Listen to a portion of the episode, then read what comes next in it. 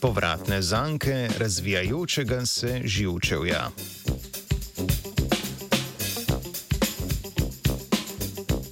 Vprašanje pomembnosti genetske determiniranosti na eni strani in nujnosti okoljske povratne informacije na drugi za razvoj živčevja se v zadnjem času vse bolj naslavlja s pomočjo molekularne biologije.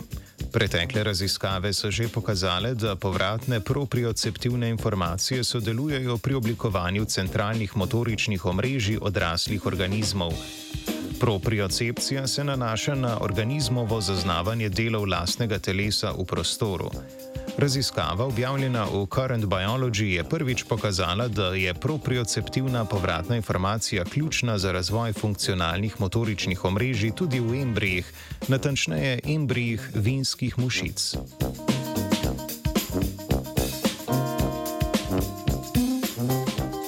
Tako pri vretenčarskih kot nevretenčarskih embrijih lahko opazimo gibanje. Človeški zarodki denimo brcajo in sesajo, zarodki vinskih mušic pa lezajo in trzajo.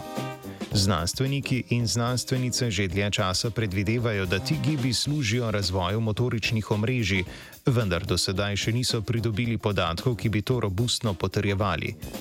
V raziskavi so z blokiranjem različnih signalov pokazali, da se motorični sistem vinske mušice samo organizira v funkcionalno odraslo omrežje s povratno informacijo zaznave lastnega telesa v prostoru.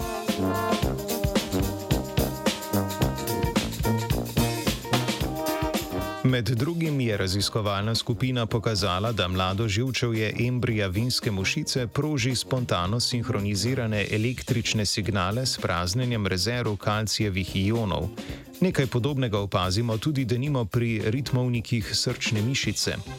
Z blokiranjem tega spontanega proženja je znanstvena skupina pokazala, da je to nujno za induciranje mišičnega krčenja in razvoja značilnega gibanja ličink vinskih mušic.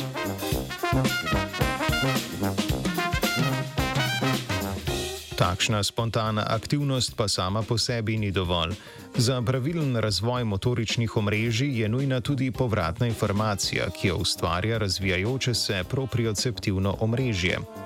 Če je raziskovalna skupina takšno povratno informacijo blokirala, do pravilnega razvoja motoričnega omrežja ni prišlo.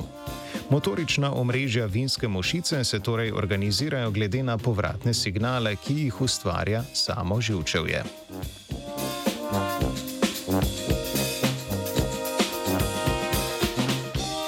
Takšno samoorganiziranje spontanega proženja žilčnih signalov v razvijajočem se žilčevju so že zabeležili tudi pri oblikovanju čutilnih žilčnih omrežij, naprimer pri oblikovanju omrežij, ki obdelujejo vidne signale.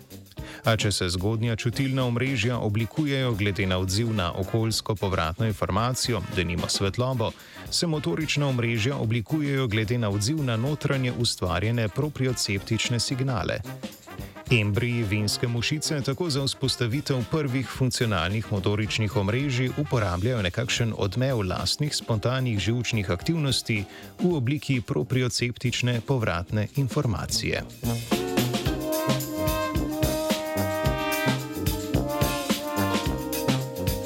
O povratnih odmevih živčevja je premišljala Ela.